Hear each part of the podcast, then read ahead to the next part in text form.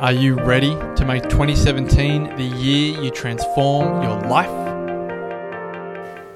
You can wait for something to happen, or you're actually going to decide to go, go home after this weekend to do something about that. We all know that we have a very, very limited amount of time on this earth. So let's not have repeated years.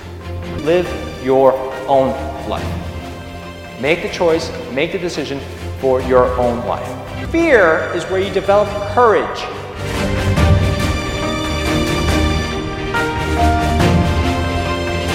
There's a moment going, holy crap, all right, I'm gonna do this now. The wellness breakthrough is coming. And so you actually have that choice every single morning, every single day, every single moment to decide whether you're going to live it to the fullest or not. Join myself, Marcus Pearce, and the Wellness Guys, Damian Kristof, Lawrence Tam, and Brett Hill for two nights and three days of transformation at the Country Place. 10 acres of breathtaking rainforest in the Dandenong Ranges of Victoria, February 17 to 19. It's each and every single one of you are going to support each other in your journey, whatever that journey is. Couples discounts available, limited spots remaining. For all information and to watch the spine chilling video, go to thewellnessbreakthrough.com. TheWellnessCouch.com, streaming wellness into your lives. Welcome to Nourishing the Mother, featuring your hosts Bridget Wood and Julie Tenner.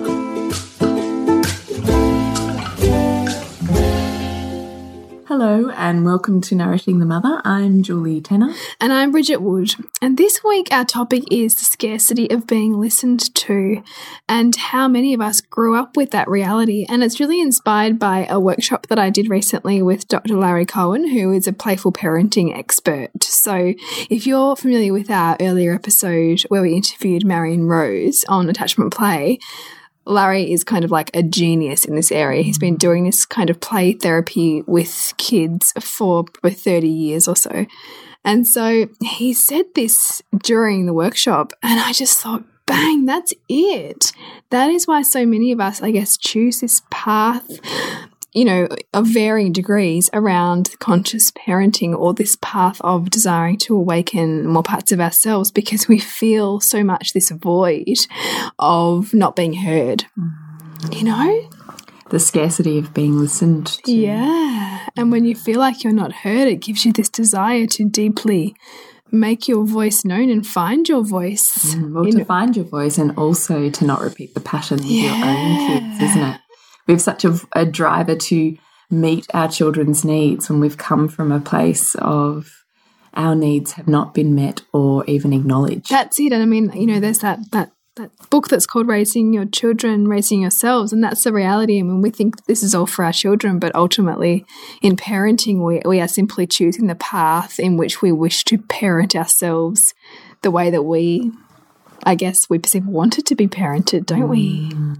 And it's big stuff. And you know, I was just saying that I, I look at my my bookshelf, and I mean, every book pretty much. I've got like about 10 books on my side table at the moment, all related in some way to parenting. And I just think, wow, like what's my void here? Because, mm -hmm. you know, our values come from our voids and we've been exploring this deeply in our current round of loathing to loving. And it's just so amazing when you start to go and join the dots on why we are the way we are and why we orchestrate our lives the way we do. Mm. It's so interesting that I love that when you were pulling it together before and you were saying to me, I've just realized, you know, this moment in my childhood is related to this in my relationship, which is related to the play out in my birth. Yes. And then I looked at my bookshelf and I had all of these books and titles around listening to my child mm. and feeling emotionally heard and connected. And we had this whole conversation when we were like, oh my goodness, what if everybody's bookshelf is talking to their inner child? You yes. know, we talk so much about the universe is constantly talking to us. Yeah. In signs that we're often not tuned in or aware enough to pick up on until you start to bring more awareness and then and then you hey, start to notice the patterns, yeah, don't you? Yeah. And so when we talk about this idea of the scarcity of being listened to, it's really that that mainstream approach to parenting where children are on a different level to parents and that parents know best and that, and that I'm the one kind of setting the rules around here and you follow us and and that's largely how most of us would have would have been raised it's very rare I think to have grown up um, to be seen, uh, you know, as a as a person in their own right on a relatively level playing field with the parent, within reason, obviously boundaries and all of those things pertaining. Um, and so, so many of us really feel, I think, a void, particularly if you're listening to this podcast, a void around um, yourself and who you were then and how much you were able to stand in your own power as a child, particularly as a child, as a woman or as a girl. Um, so many of us really had that that voice and that ferocity of the feminine um, kind of chopped at the knees pretty young.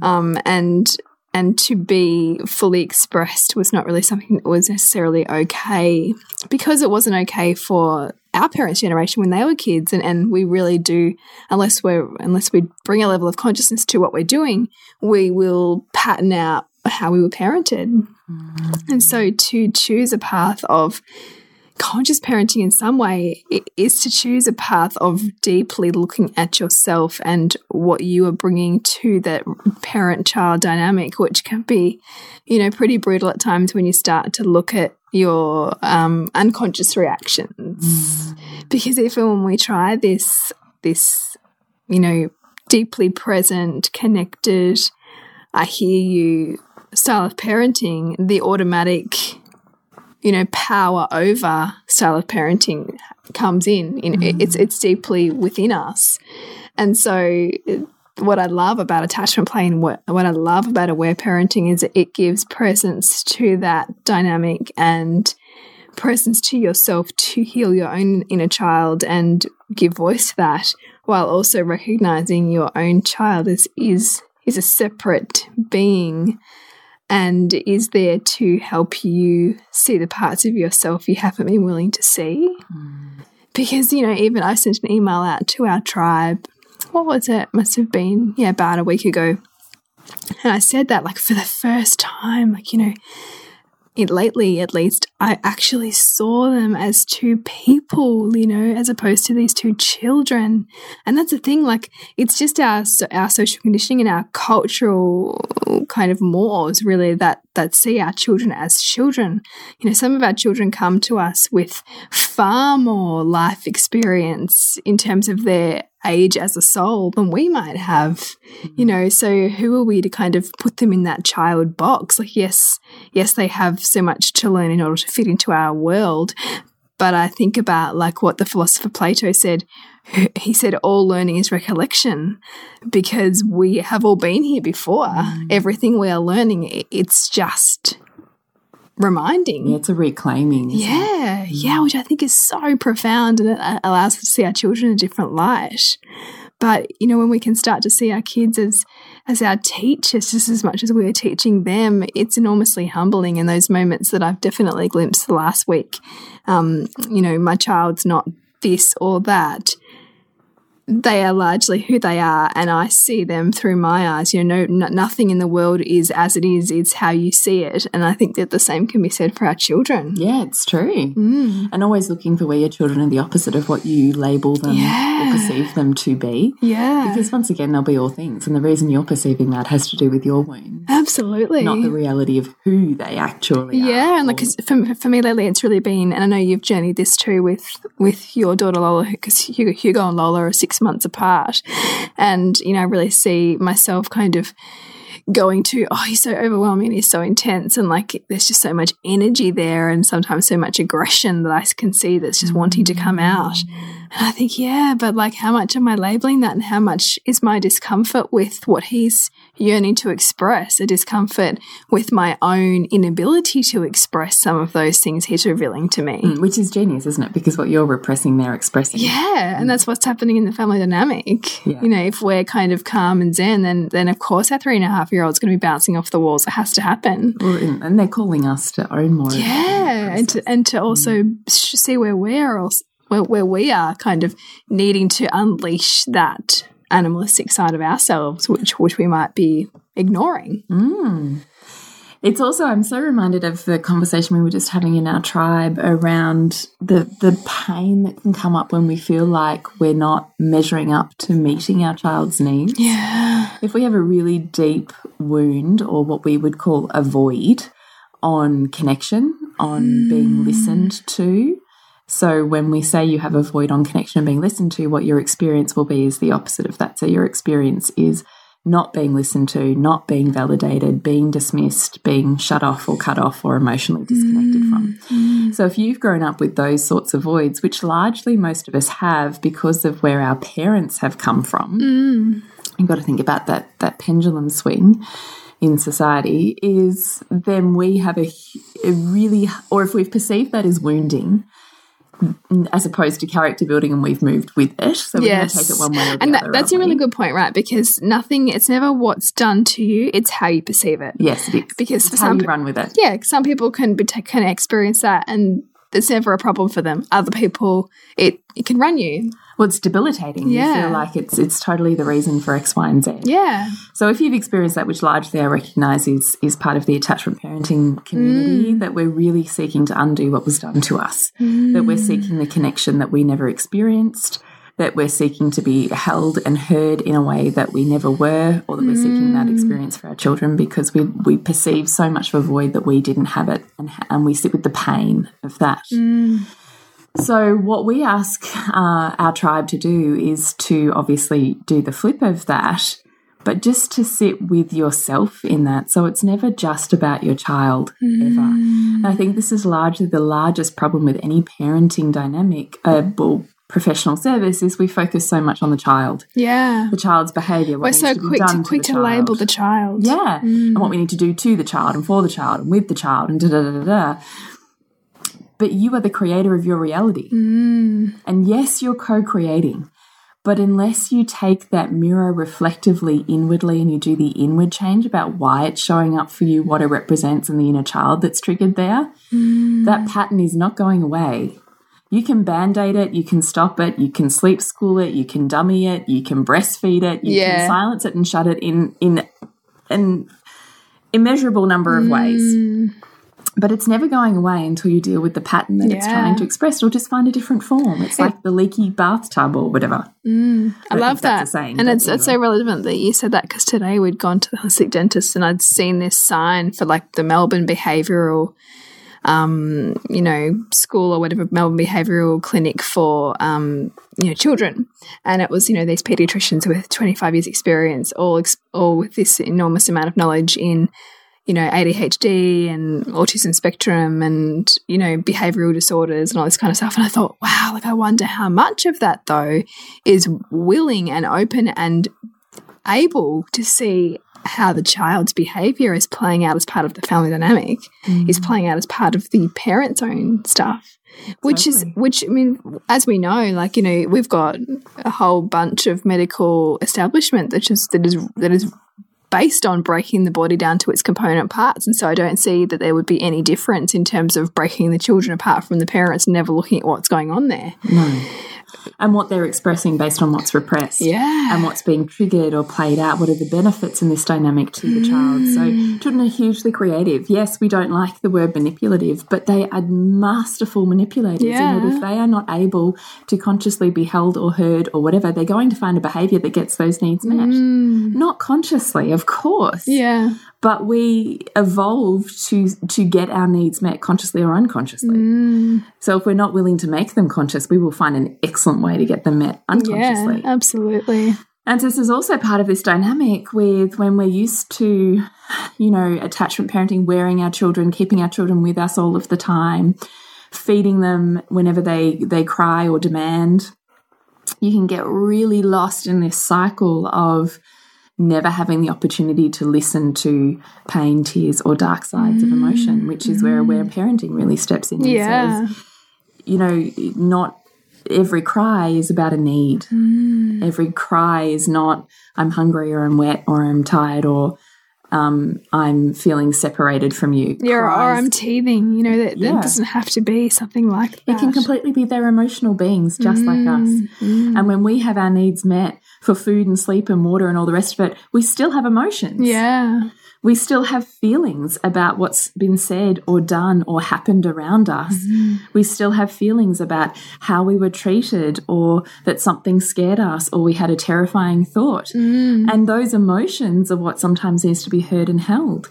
And if we put in place a boundary, sure, you might not like it, but I'm willing to listen to the tears you Yeah, and that's the freedom in it, right? Like that's what I just love so much about this approach. And that for me is the healing. So this is the flip from where to view tears as scarring Mm. or damaging to viewing tears as healing. Yeah. Like you yourself were saying, uh, you went to a kinder meeting last night and your youngest was left with your mum and she cried for the whole hour that you weren't there. yeah, Now, you were saying to me, I'm not plugged in by that because previously you were sitting in a wounded place. If you, it was with your firstborn around, you weren't there, and the guilt and the overlays of so many years of not being listened to. Mm. And yet, this time around, having done all of the work on that, you were going, How incredible she can have this experience of connecting with her grandmother and letting her grandmother know how she feels. yeah, Knowing that her grandmother can hold that space and listen to her and be her rock. Mm. How amazing. How yeah. powerful.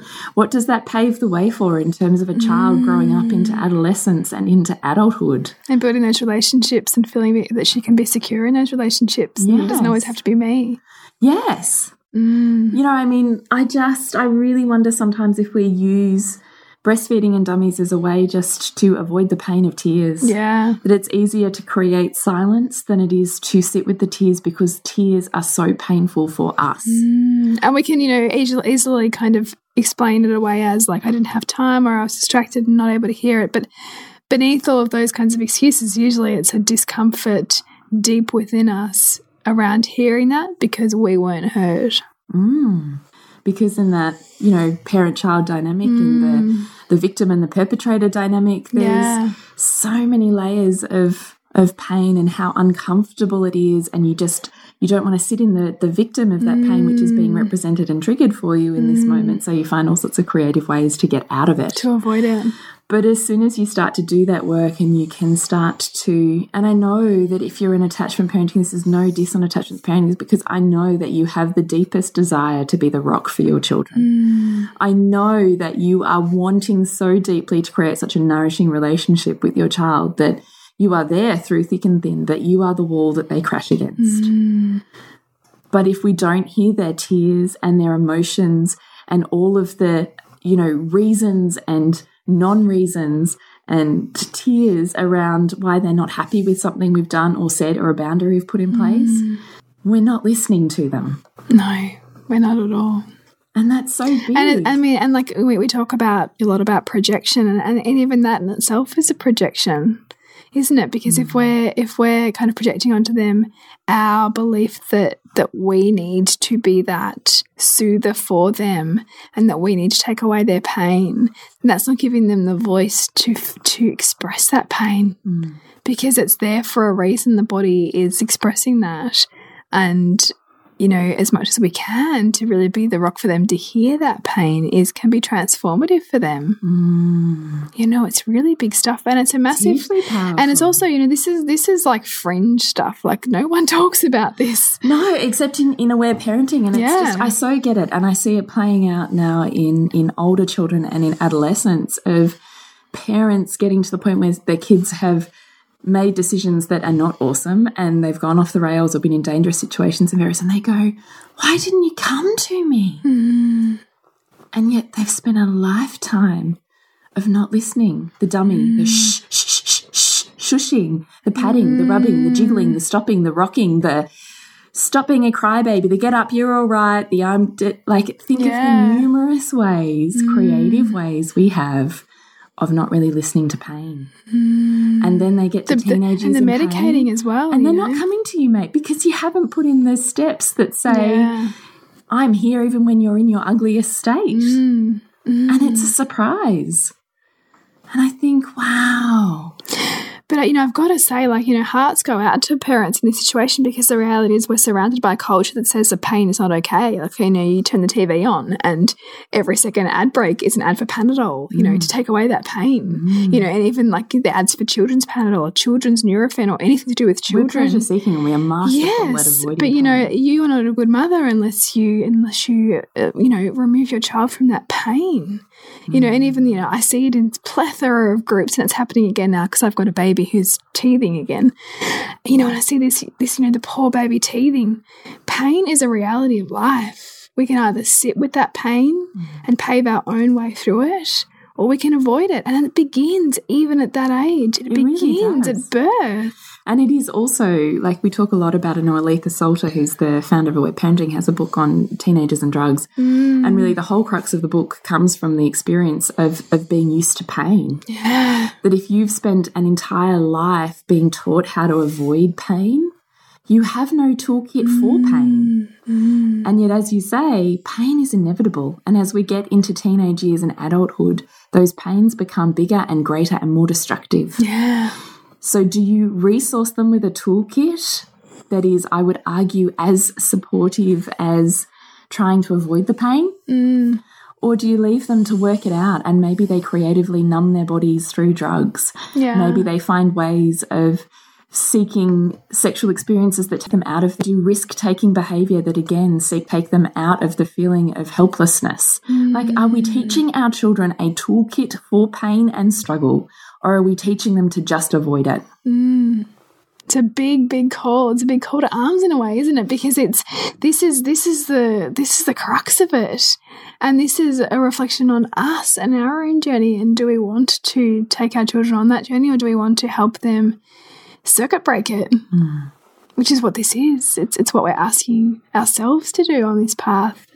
Mm. Because so much of us have grown up with that scarcity of being listened to and being listened to means sitting with the discomfort often that comes up for us around listening to their pain and not wanting to and not trying to fix of it. not trying to fix it it's not okay to be here and not trying to blame somebody else and not trying to fix it. And how often have all of you beautiful listeners said that about your husband? Stop trying to fix it. I just need you to hear me. Yes, I know. that is that. Think that- this is it. But that's the number one clash of like the masculine and feminine, right? But like, how much do we do it as mothers children? Yeah. Mm. We're constantly looking for the fix rather than just sitting in the being. Wow, that's, yeah, I see that. You're really hurting. That's really frustrating. You don't need to offer a solution. You just need to validate the emotion. exactly? Give the space for them to feel it and experience it and have a name to what they're feeling so they Mm. can understand it within their body. It's such big stuff. Oh, I think this is is toolkit building. We talk oh, about we want children who are connected to their bodies and their hearts and their souls, and they choose a path that is authentic to them, that's without, you know, inference from other people. You know, this this is mm. knowing themselves. Mm. This is foundational in understanding emotional intelligence. Mm-hmm. If you don't know emotion, how can you have intelligence around it? Before you even get to a toolkit for dealing with it, if you, don't yeah, know you- it, You've got to know it first to be able to move it, to understand it, to shift it, to, you know, channel it where you want it if you need to. and for it to be okay to be Mm. expressed, because what's not expressed is repressed. And as you and I know, it comes firing in all sorts of creative ways when it's repressed. Absolutely.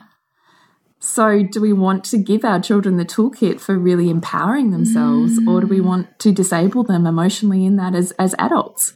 And that's literally how I see it. Yeah, absolutely. I see it playing out in resilience. I see it playing out in friendship circles and choices and, you know, all sorts of incredible entanglements that happen as kids grow up. Mm. And it starts by providing the safe place for the dark emotions, not just the light ones. Mm. That if you want to be the rock, you want to be the person that it's safe to come through when they're feeling shit and ugly and hideous then it, starts here. And to get there, to sit in a place where you can be literally the anchor in the tornado, you have to find it within yourself hmm. and all the barriers that stop you from connecting with that. Because the barriers that stop you connecting with it are all of the things that inverted commas were done to you and you've taken in a certain way that hmm. perhaps you've perceived as wounding. Now, we ask you in our course to go back to those moments, to do the flip, to see how there was support when you sought challenge, to see how well, the learnings you took out of it and the woundings have served you and what you've led in your life, to equilibrate and rebalance the perception of pain so that you can come to a place of holding space, not getting sucked into the vortex of how painful it was. For and you or your ultimately no longer needing to recreate that same kind of situation in order to take the lesson. Mm-hmm. You know, once you can neutralize or, or kind of balance that in that moment, you no longer need to have the situations come into your life to teach you it. Mm. So it's transformative and it's absolutely transformative for our children. You know, there's so much stuff around there about, you know, let's end bullying and, you know, like let's kind of blame the other person. But the reality is that dynamic will never ever go away. Never, it's ever. it's it's, It's in here. every it's single school. it's part of our human evolution. It's and it has to be there Oh, it's everywhere. you know but what what we do in those situations is we is we learn how to ask the right questions of our children to help them be equipped enough to understand why it's happening and understand what it can teach them about themselves you know and and step up if if they're the one being bullied and and humble themselves if they're the bully. Hmm. You know because those those are dynamics at play constantly. And you know as we say often you know love is all there is anything else is an illusion and and love comes in the form of challenge and that is what that dynamic is representing for us and for our I really children love that. That love, what is love anyway? Because Mm. is love just support, light, joy, happiness, cuddles, and emotion, or is love offering boundaries and um, disconnection at times Yeah. Mm. and allowing them to find themselves? Because what's love? Because I don't see one or the other serving less. no That they are both forms of love that equip our children. And so, what we're asking you to do is have a look at all those perceptions you measure as good or bad and see how they're actually neither. And in fact, they're Yeah. both wonderful. And what we really teach is that, you know, love is that synthesis and synchronicity. So the synthesis of support and challenge and the synchronicity in a moment of support and challenge of complementary opposites. So that's those two things. And, you know, we've had so many people see that. Like, um, you know, and we do it ourselves. Go back to those, the, you know, use the feeling to go, to take your mind back to when the memory started and look for the other side. And it's there. You know, like I did it on on a memory I had of being bullied when I was ten years old, and you know, it was awful, the feeling of pain. But I, when I could see that my intuition was telling me that in that moment my mum was supporting me at home, not in the physical environment, but at home, I could see, gosh, like, you know, we, we it's just so enormously humbling to see that, that we are getting love in all its forms all of the time, but it's just our senses that perceive that we're not. And so the same can be said for this perception that we have of not being listened to, but ultimately we do know that it is far more empowering to give ourselves and our children the the permission to accept the wholeness of all that they are, not just the light bits and the bits that are okay by society standards, because what that does is cut off the potential and the magnificence of all that we are. It's so true. If you mm. cut off one, you've you've lost the other, and you've lost the opportunity for wholeness. Mm. So true. What is your dog doing? I do not know. I think he's like scratching, but it's a little bit distracting, if we're really honest here. Maybe that was meant to pull us out of here. I think he was. I think he was. Yes. So this has been a big topic, and we would love to hear how how this resonates with you, and you know if if any of the concepts have been challenging for you to hear, or if there's been any kind of like aha moments. Just please reach out. terrifying or confusing. Yeah. that we can just delve a little deeper into that one mm. thing and wake it up. Yes, we'd love to. So please connect with us at nourishingthemother.com.au and on our Facebook page. We love that. Um, and also, if you've got five minutes or rather five seconds, I suppose, just a love a rating on iTunes because that really helps other people find us. Yeah, just a five stars and a something that shouts Yes. out for what other women can expect from yes. this podcast. And we want to thank you for listening because that's a really big thing. You know, you are our tribe and you are, you know, women on a journey just like us. And it's really powerful. It's powerful to be surrounded by others who are consciously seeking to understand the dynamics that we are co creating with the universe and with our children. And how extraordinary to just have these conversations Yeah. because day to day we don't get to. So Yeah. we're so grateful that we have you here listening and online having these conversations with us because it totally, the more we have them, the more it transforms our world. Yeah. So we're assuming the same is happening for you. yeah, for sure. Now, so to connect with you, Jules, Is thepleasurenutritionist.com. and me, it's suburbansandcastles.com. And we will see you next week when we continue to peel back the layers on your mothering journey. This has been a production of TheWellnessCouch.com. Check us out on Facebook and join in the conversation on Facebook.com forward slash The Wellness Couch. Subscribe to each show on iTunes and check us out on Twitter. The Wellness Couch, streaming wellness into your lives. Whilst the Wellness Couch presenter endeavor to provide accurate and helpful information to their listeners, these podcasts cannot take into account individual circumstances and are not intended to be a substitute for health and medical advice from a qualified health professional. You should always seek the advice of a qualified health professional before acting on any of the information provided by any of the Wellness Couch podcasts.